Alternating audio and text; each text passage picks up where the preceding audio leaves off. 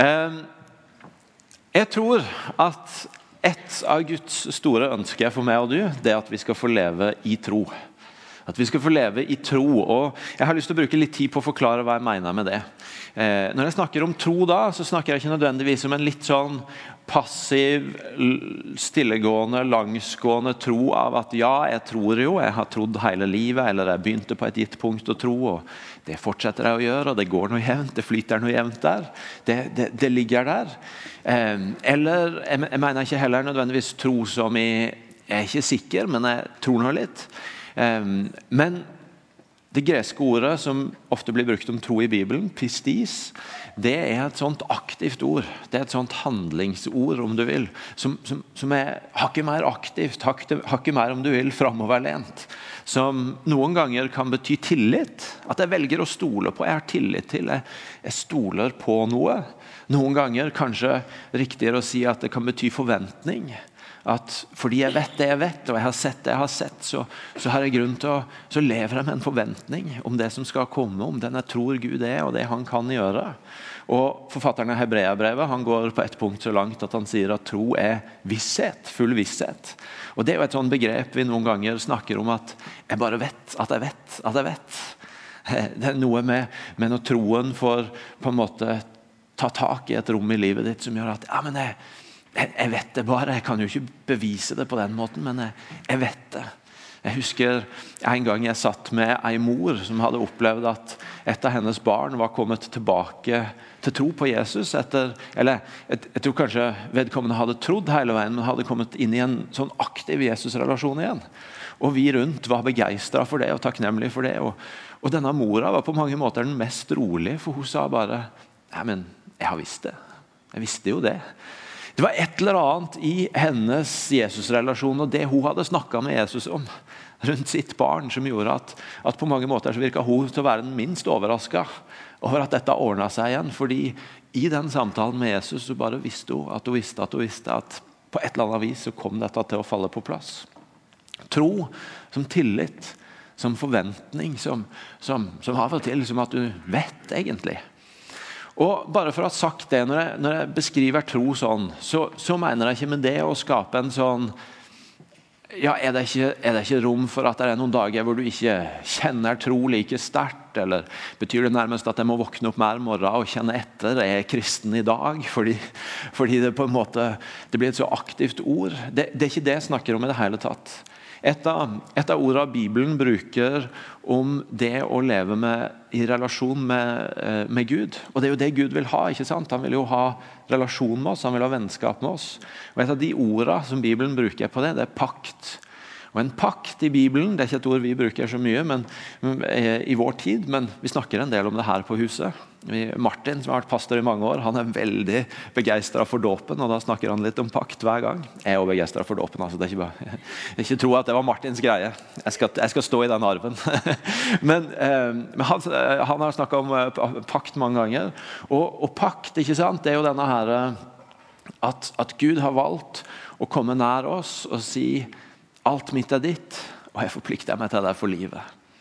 Og Vi kan velge å ta imot den, den, muligheten til å leve i pakt med Gud, sånn at alt hans er vårt, og at han har forplikta seg på oss eh, på en sånn måte at vi kan være trygge på at jeg har gitt livet mitt til han, så varer det livet ut.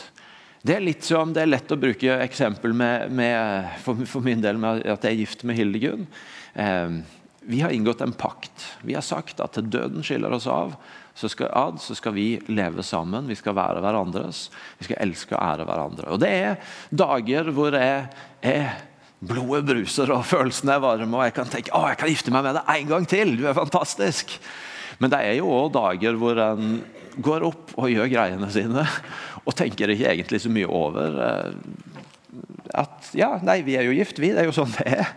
Det, poenget mitt er uh, ja, Det kunne kanskje falle feil ut, men eh, poenget mitt er i en pakt så våkner du ikke opp hver dag og lurer på skal jeg velge den i dag eller ikke. Du har valgt det, og du forholder deg til det uavhengig av om følelseslivet svinger litt, og hvilke utfordringer som står øverst på lista. Men samtidig så vet du at skal den pakten være god å leve i, og skal den få ut alt det som ligger av muligheter der, så må du også ha et mer aktivt forhold til den enn at ja, ja, nei, jeg går nå bare gjennom dagene. Da må du også der leve med noe av den samme tilliten og forventningen og vissheten om Noen ganger så betyr tillit i den pakten at ja, men dette vet jeg jo at vi kommer oss gjennom sammen. Det er jeg helt trygg på. Noen ganger så er forventningen i å, tenk, det skal vi få oppleve sammen. Det drømmer jeg om at vi skal få oppleve sammen. Og jeg prøver nå skal jeg ikke komme for langt inn i ekteskapsrådgivning, her, for det var ikke, eh, ikke det denne talen handla om. Men eh, jeg bruker, prøver bare å bruke en illustrasjon for å si at jeg og du får en pakt med Gud som gjør at når vi har tatt imot Jesus, så trenger vi ikke å våkne opp hver morgen og, og på en måte lure på skal jeg, skal jeg leve i det i dag òg. Det er der, og det ligger der som et fundament. Men samtidig så snakker jeg Bibelen om at vi skal få leve i tro som noe mer aktivt og, og om du vil, framoverlent av at det handler om en tillit til, en forventning til, en visshet om. Og bare for å, La meg, la meg gi et eksempel. eller La meg si det først.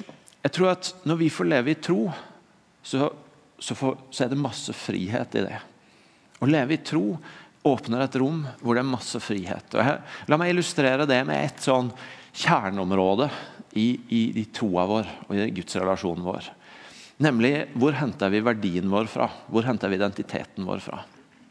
Bibelen forteller oss at vi er skapt i Guds bilde. Bibelen forteller oss at Gud skapte oss i sitt bilde, og han så at det var godt.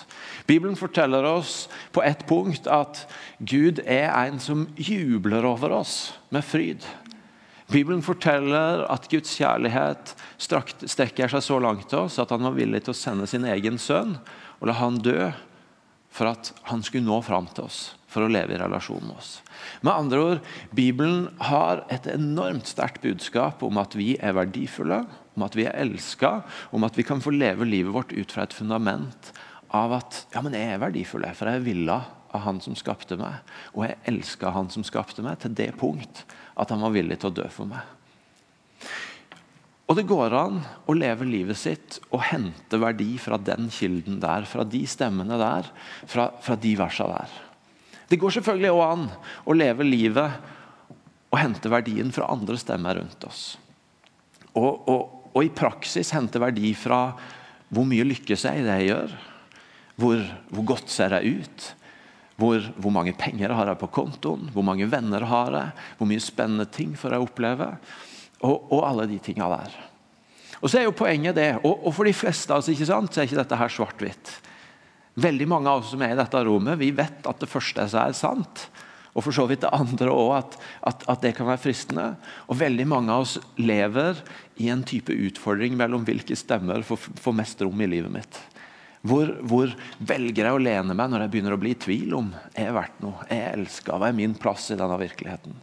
Og så, og så, utfordres vi på hvor vi velger å lytte inn for å hente verdi. Så er jo greia det at hvis, hvis mye av verdien vår blir henta av de andre stemmene, så kan det være veldig bra en stund. Men det som er bygd på vår egen innsats, enten i form av eh, hvor godt vi gjør det, hvor mye penger vi tjener, hvor godt vi ser ut, hvor mange venner vi har, det må også opprettholdes ved vår egen innsats. Så Det som kanskje kan begynne med å kjennes som en frihet, at jeg er min egen mann, jeg, jeg skaper min egen verdi, det blir i neste omgang noe vi blir bundet av, fordi vi blir tvunget til å holde det oppe sjøl. Um, ehm, mens hvis vi faktisk plasserer verdien vår i at ja, men jeg ville av Gud, jeg skapte Guds bilde, jeg ønska Han, jeg elska Han, så, så ligger jeg faktisk jobben for å opprettholde den verdien hos Han. Og Det er ikke jeg som til enhver tid må jobbe for å hente inn det, men, men tyngden av det ligger hos han. Og Derfor så ligger det en enorm frihet i å få leve i tro på de tinga Bibelen sier. F.eks. på dette punktet. Det ligger en frihet i å, i å tenke at ja, men ansvaret for min verdi ligger mer hos Gud enn hos meg. En annen ting med å leve i tro, det er at, at når vi får den friheten av å plassere tyngden hos Gud, så får vi også en frihet til å i større grad leve livet med blikket vårt framover. Med å, med, å, med å, se primært på det som ligger foran oss, mer enn på å holde fast i eller være bundet av det som ligger bak oss. Paulus han skriver det at én ting gjør jeg i hvert fall. Jeg, jeg prøver å legge bak meg det som ligger bak, og så strekker jeg meg mot det som ligger foran. For det er der seiersprisen ligger. Og denne uka så har jeg bibelleseplanen jeg følger, så har jeg, så jeg lest om israelsfolket i Egypt. Nei, eller på vei ut av Egypt. Og, og, Det er jo en fantastisk historie. De har jo opplevd at Gud først har gjort litt av noen mirakler i Egypt for å, for å la farao slippe dem, sånn at de kommer ut. De har levd lenge i slaveri der, og nå har Gud hørt deres klage. og Han har steget ned, han har kalt Moses, og så gjør han alle disse miraklene for å ta folket ut av Egypt. Og så gjør han det.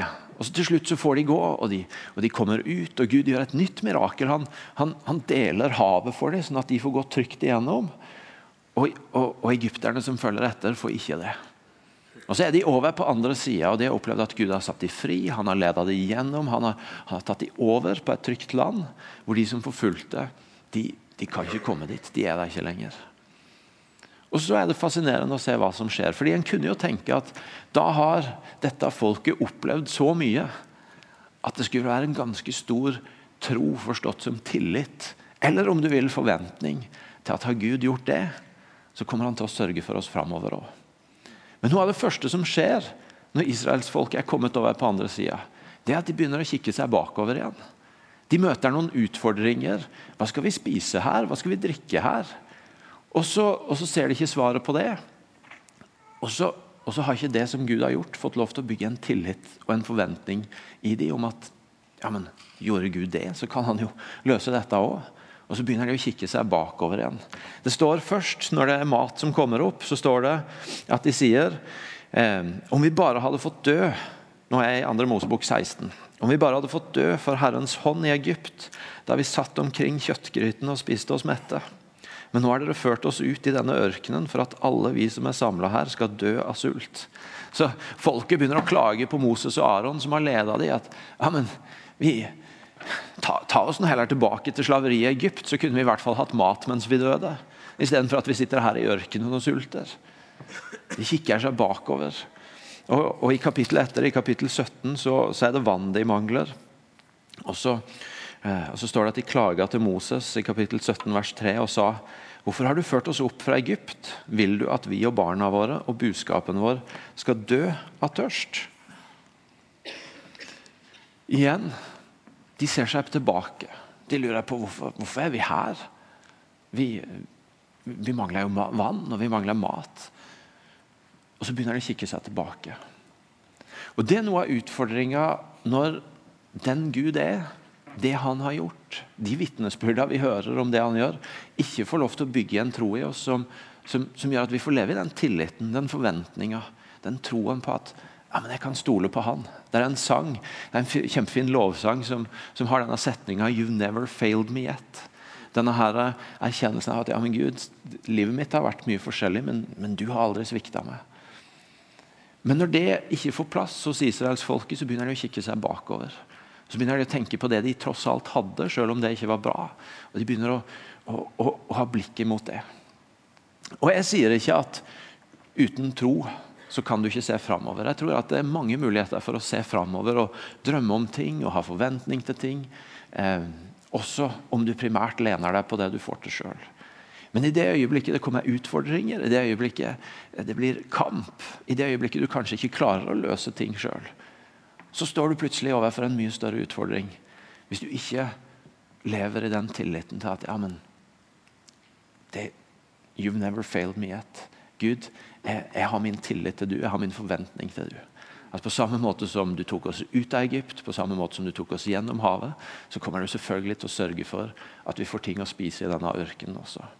Og la meg gi, bare for å gi et sånn personlig eksempel, og litt sånn, på en måte litt nølete i det, for jeg vil ikke at dere skal høre det, høre det feil. det er ikke, Dere må ikke på en måte kjenne uro for meg i dette, men bare for å illustrere at, at det handler litt om hvilke tanker og hvilke, hvilke kilder vi mater oss fra. I, sist høst så eh, fikk jeg gleden av å eh, ta over og lede eh, IMI etter Martin, som har ledet i 39 år.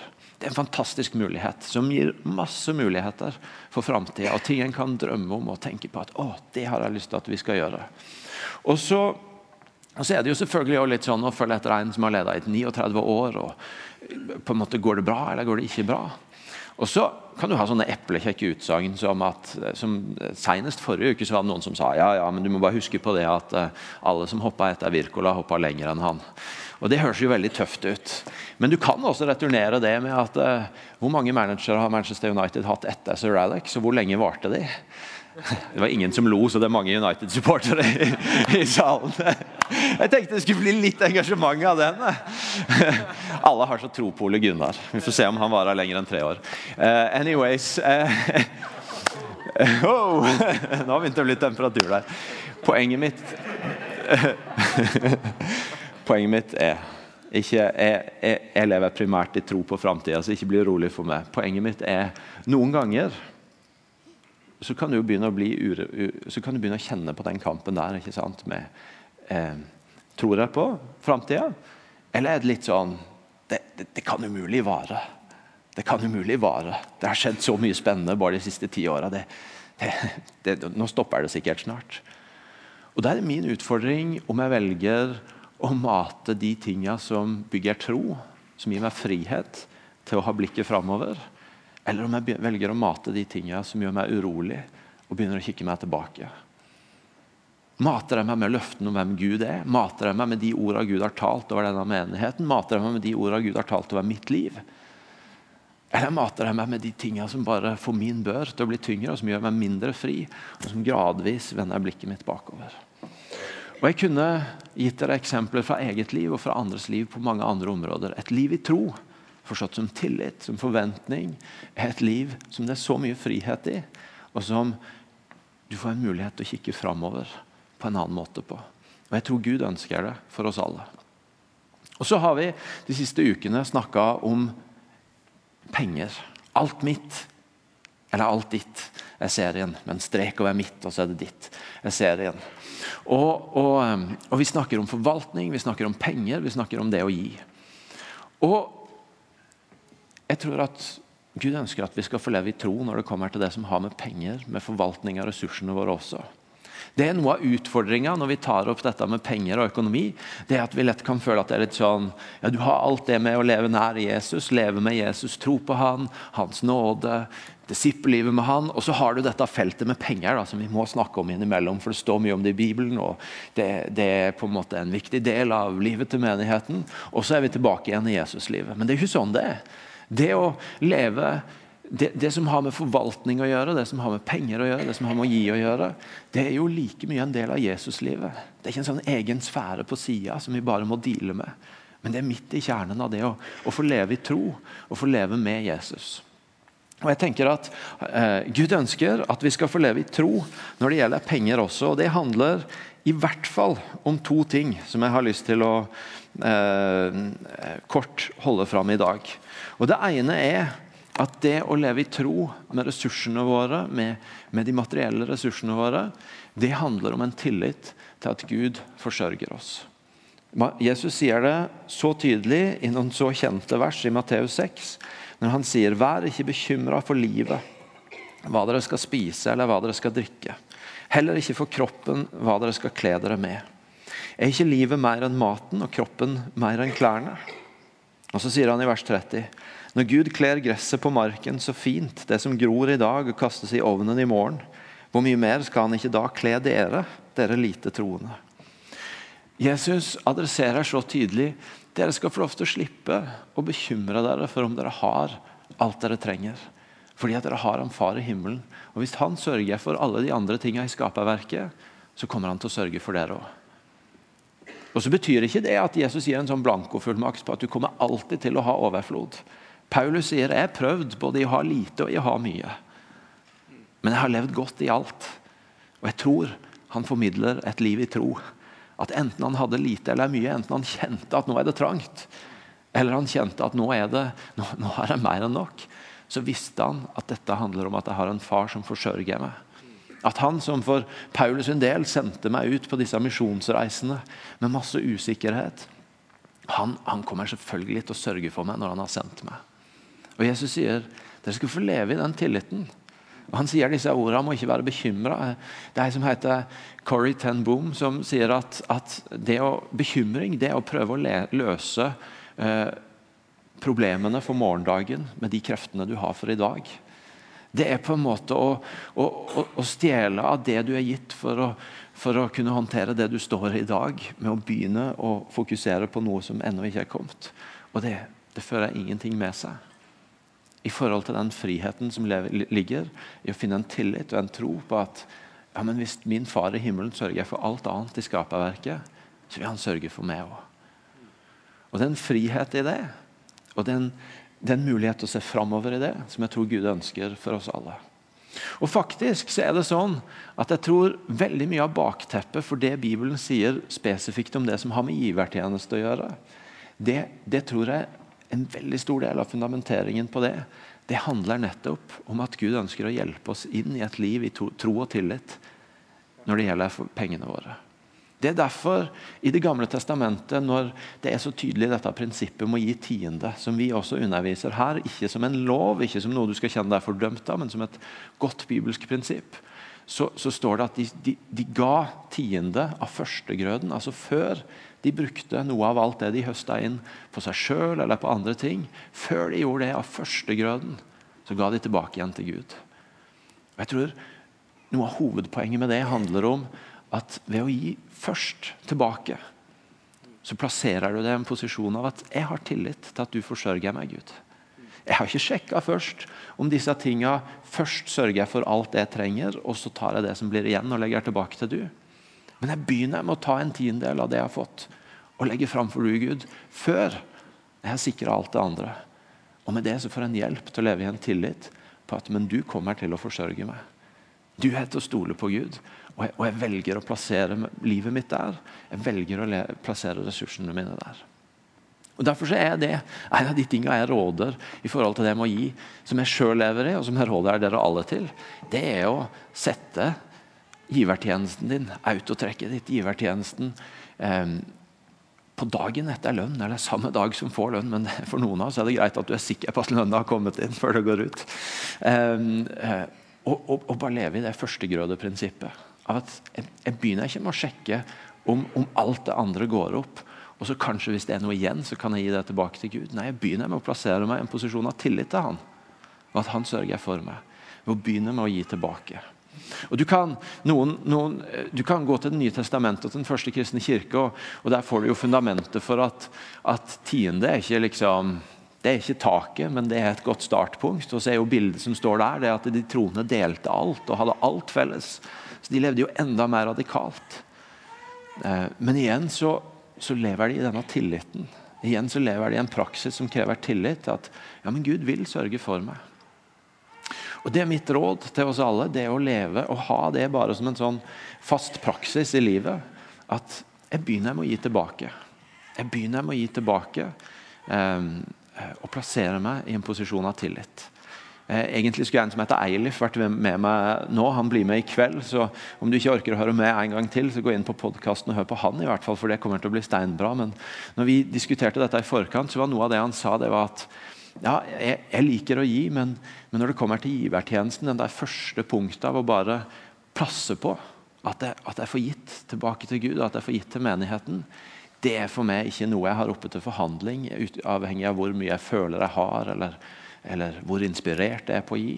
Men det er bare noe jeg gjør. Det er bare noe som ligger der. Fordi det er en måte å leve livet på. Um, og Det har jeg lyst til å utfordre oss som menighet på. La oss leve i tillit ved å, ved å gi førstegrøde. Ved å plassere oss sånn at vi demonstrerer en tillit til Gud. Um, og så er det som jeg sier, Vi underviser tiende som et godt bibelsk prinsipp. Vi sier ikke at det er en regel, vi sier ikke at du er en dårlig kristen hvis du ikke gjør det. Eh, men det kan få være en veiledning å begynne å navigere ut ifra. Jeg har bare lyst til å si kort at enten det er førstegrøden tilbake til farshuset, som det står om i Det gamle testamentet, eller det er de troende delte alt og hadde alt felles, så er faktisk også retninga på den første gaven av tillit, den er mot den menigheten det gudshuset en er en del av. Noen tenker at ja, jeg gir tiende, men jeg, men jeg sprer det litt her og der etter hva jeg syns er inspirerende å gi til. Eh, det kan være gode grunner for å gjøre det. Det har ikke så veldig mye bibelsk belegg. Det bibelske belegget er at en gir tilbake til farshuset, en gir til en del av det fellesskapet en er en del av. Så Å leve i tro med ressurser, det har med, eh, det har med å leve i tillit. Det andre er at det å leve i tro med penger og med ressursene våre, det handler om denne her troen på at det lille jeg gir, det kan bli til noe mye større i Guds rike. Du har, jeg tror Vi har noen vers som skal komme opp på skjermen her. Det ene er ordspråkene 11. Um, hvor Salomo skriver «Ein strør ut og får mer igjen. En annen er gjerrig og ender i fattigdom. Den gavmilde får gode dager, den som øser ut til andre, får rikelig tilbake. Det er jo dette her fullstendig ulogiske Guds rike-prinsippet av at det at jeg gir ut, kan få bli til noe mer. Det kan få vokse på seg, det kan få balle på seg. På en sånn måte at det får større betydning enn de pengene hadde hatt hvis de bare fikk være mine. Og Paulus han sier det på en litt annen måte i 2. Korinterbrev 9.10. Hvor han sier at han som gir såkorn til den som skal så, og brød til å spise, han skal også gi dere såkorn og la det bære rikelig, og la deres rettferdighet bære rik frukt. Før dette, så, bare for å gi kontekst, så har Paulus skrevet i en sånn kontekst at det handler om å gi. Og det handler om at han gjennom tilliten til at han vil gi oss det vi trenger, nok til hver god gjerning. Og Så omtaler han disse gavene som såkorn som skal få bære rikelig frukt. Denne troen på at det jeg gir, det i seg sjøl Altså, hva er det? Men i et Guds rike perspektiv så kan vi få tro, vi kan få se det med en trosøyne, i en forventning om at ja, men dette skal få bety noe mye mer. Sist søndag så satt jeg her og så hadde kollekte Kambodsja. og så tok jeg opp telefonen og så satt Elia ved siden av meg og så sa jeg, hva syns du vi skal gi i dag, da, Elia? 500 000! så jeg. Og så sa jeg jeg tror ikke jeg har så mye på konto akkurat nå. ok, Så ble vi enige om 500, da. Eh, og så ga vi ut 500. Når Terje har stått her og snakka om en visjon om vekkelse i Kambodsja, det er egentlig en idiotisk tanke å skulle tro at 500 kroner kan være med på å skape vekkelse i Kambodsja. I seg sjøl er det jo ingenting. Men i Guds rike perspektiv, når jeg får gi sammen med mange andre, når jeg får gi med et blikk av at Gud har gitt et løfte som jeg kan få leve i tro, forstått som tillit og forventning, om at de såkorna jeg gir, de vil han la bære rikelig frukt, så kan jeg få tro at de kronene blir til veldig mye mer. Min familie gir ca. Litt, litt, over 110 000 i året til IMI i fast givertjeneste. Og For noen av dere er det lite, og for noen av dere er det mye. For oss er det der vi er nå. Og Jeg sier det ikke for å skryte, jeg sier det bare for å være åpen om at jeg ber ikke dere om å gjøre noe som ikke jeg sjøl gjør. Men det i seg sjøl kan høres ut som isolert sett en stor sum penger. Men hvis visjonen er Guds godhet tilgjengelig i Stavanger, så er det jo en latterlig å tro at du skal få være med på å se Stavanger forvandla med den lille summen penger der. Det er jo ikke nok til ei stilling, det er ikke nok til huset, det er ikke nok til noe av det vi holder på å gjøre i det daglige. Du kan gjøre et stunt eller to med det, men i seg sjøl er det utrolig lite. Men fordi at jeg får være en del av noe større, og fordi at jeg får gi det og forvalte det med et blikk på at Gud har lovt i sitt ord at det såkornet vi gir, det skal få bære rikelig frukt, så kan jeg faktisk få tro at de pengene skal få være med på å bli til forvandling i den byen jeg lever i, og det landet jeg lever i. Og Det er noe av det å leve i tro til Gud, også med pengene våre. En tillit til at han forsørger, og en, en forventning om at det vi gir, det vil han gjøre til noe større. Og da er det kommet også, eller La meg bare nyansere, eller presisere det først. For at noen av dere blir stressa når du snakker om å leve i tro og penger. Dels noen fordi at dere har hørt sånn trosforkynnelse, herlighetsforkynnelse, om at hvor mye vi får tilbake igjen. Dette her med gi, og så skal du bli velsigna tilbake, og så blir det forstått materielt. Og så, og, så, og så, blir egentlig hvor mye vi har, et mål på hvor mye tro vi har. Det tror vi ikke på her. Og det er ikke det jeg snakker om. Hvor mye du har, er aldri et mål på troa di. Og Hvis du blir i tvil om det, og hvor mye du gir, er heller ikke et mål på troa di. Og Hvis du er i tvil om det, så går du og ser på lignelsen, eller nei, historien om Jesus som sitter og ser på denne enka som gir av det hun har. Og så er det hun som blir helten i historien, og ikke de som ga mer. Men det handler om hvordan en forvalter det en har, verken om hvor mye en har, eller hvor mye en gir. Men det handler om hvordan en forvalter det en har. Og På den andre sida kan en feilside i dette med å snakke om tro og penger være at det nærmest blir et trosmål hvor lite du har. At det å, det å leve fromt og i tro, det er å være så nøysom og, uh, og på en måte så uh, Leve så på den måten at, at, hvis du har mye tro, ja, da har du veldig lite. Men det er heller ikke, har ingenting med tro å gjøre. Det står masse i Bibelen om at vi skal være gode forvaltere. Det er mange av dere i denne menigheten nå som, som, som er velsigna rikt, som har fått mye å forvalte. Og det, det, det, heier vi på. Det betyr at dere kan skape næring, dere kan skape arbeidsplasser, dere kan sørge for familien. Og det er, eh, det, Hvor mye eller lite en har, er ikke et mål på tro, eh, men det handler om hvordan vi forvalter. Og som en siste presisering på det å leve i tro med ressurser er aldri en unnskyldning for å leve med rotete forhold til økonomi. Det er ikke sånn at du lever mer i tro hvis du bare sier at nei, jeg har ingen anelse på hva jeg har, men jeg satser på at Gud forsørger meg.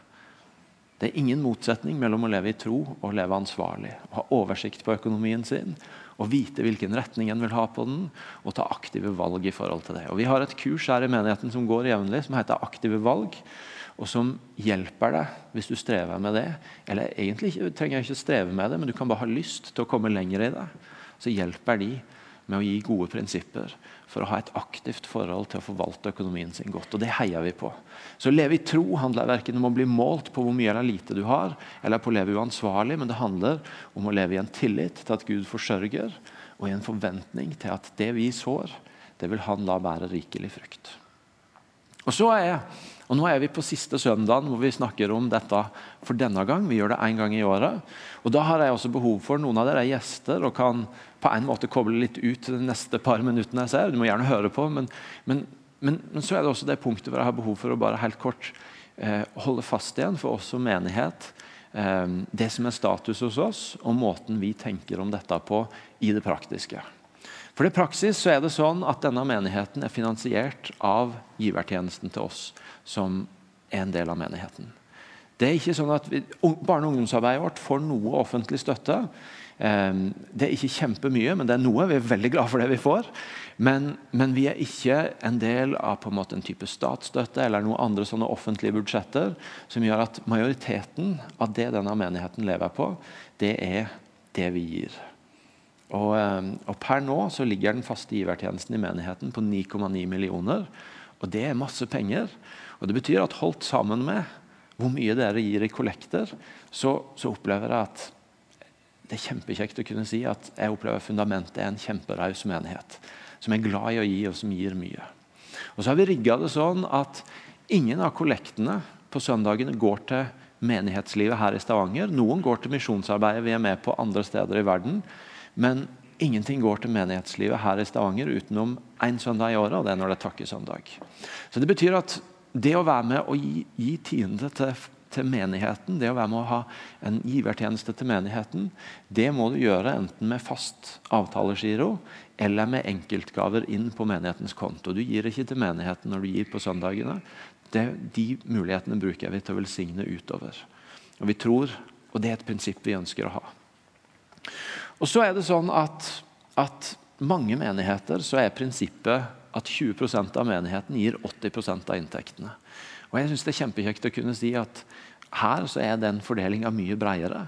Det er eh, eh, Sist jeg hørte, så ga 24% av menigheten 54% av inntektene. Det betyr at hvis du tar det oppover, så er det en mye større andel som er med på å ta hovedporsjonen. Og Samtidig så er det sånn at 40, at det er bare rett over 40% av menigheten som har fast givertjeneste. 40% ehm, av medlemmene som har det. Det, kan, det trenger ikke bety at det bare er 40% som gir. For det kan være at i noen familier så har man valgt at én gir, gir, for alle. Og det kan være at man gir ikke gjennom fast avtalegiro, men gjennom enkeltgaver. Men det antyder kanskje at det fortsatt er ting å gå på. Og Det er viktig for oss å snakke om dette, for noen av dere har ikke vært så lenge med i menigheten og har kanskje ikke full oversikt over dette, eller har ikke fått tak i kulturen vår på dette. Og Det er bare viktig for oss å si igjen at dette er sånn vi lever som menighet. At vi som er her, både får oppleve gleden i å gi, men også tar del i menigheten på den måten. Um, og Derfor så er utfordringa i år til de av oss som har gitt lenge, men som i det siste ikke har tenkt på er det tid for å justere givertjenesten min, eller for du som er en del av menigheten, men ennå ikke har kommet i gang, er dette tida for å komme i gang. Det er sånn at, eh, at ca. 40% av oss, av de som gir, de gir, står for ca. 8% av inntektene. Og Det kan bety at det er ganske mange som kan ta en runde på å tenke gjennom skal jeg gi litt mer. Har jeg rom for å ta et lite steg opp? Og så er det fortsatt en del tror jeg, som kan få lov til å komme i gang. Så nå skal lovsangsteamet komme opp. Og så har jeg bare lyst til med det perspektivet Jeg håper du primært har hørt det jeg har forkynt om å leve i tro. Og så er jeg samtidig ikke sjenert for å si det jeg har sagt de siste minuttene, om at dette er status for oss som menighet. Og så har jeg lyst til å gi deg en mulighet et minutt eller to mens de spiller noe instrumentalt, til å reflektere over er dette noe jeg skal gjøre noe med. Hvis du blir inspirert til å handle her og nå, så er det egentlig bare å plukke opp telefonen, gå inn på imikirken.no og velge den menyen som sier 'gi'. og Så kommer du rett inn, sånn at du kan tegne fastgiveravtalen din med en gang. Kanskje kan det være at du må ha litt lengre tid på deg til å tenke deg om, til å snakke med de andre i familien, og det er helt ok. Men jeg vil utfordre deg på å bruke de neste par minuttene på bare igjen spørre Jesus hva betyr dette for mitt liv. Hellige Ånd, takk for at du er vår gode hjelper og veileder. Først og fremst så har jeg lyst til å be deg om at du skal eh, skape tro i oss. Som gjør at vi får leve i tillit og forventning med hele livet vårt. Og også med ressursene våre. Tillit til at du forsørger, og forventning til at du kan skape ut av det vi gir. Og så har jeg lyst til å invitere deg til å tale til den enkelte av oss nå om hva det betyr for oss. Og Jeg har lyst til å invitere deg spesielt til oss som er i menigheten, om, å, om at du bare på din vennlige måte veileder oss og taler til oss om hva er vår rolle i dette. Hvordan ser det ut for meg å leve i dette? Skal du få lov til å bare være litt stille og spørre Gud sjøl og reflektere sjøl mens teamet spiller litt.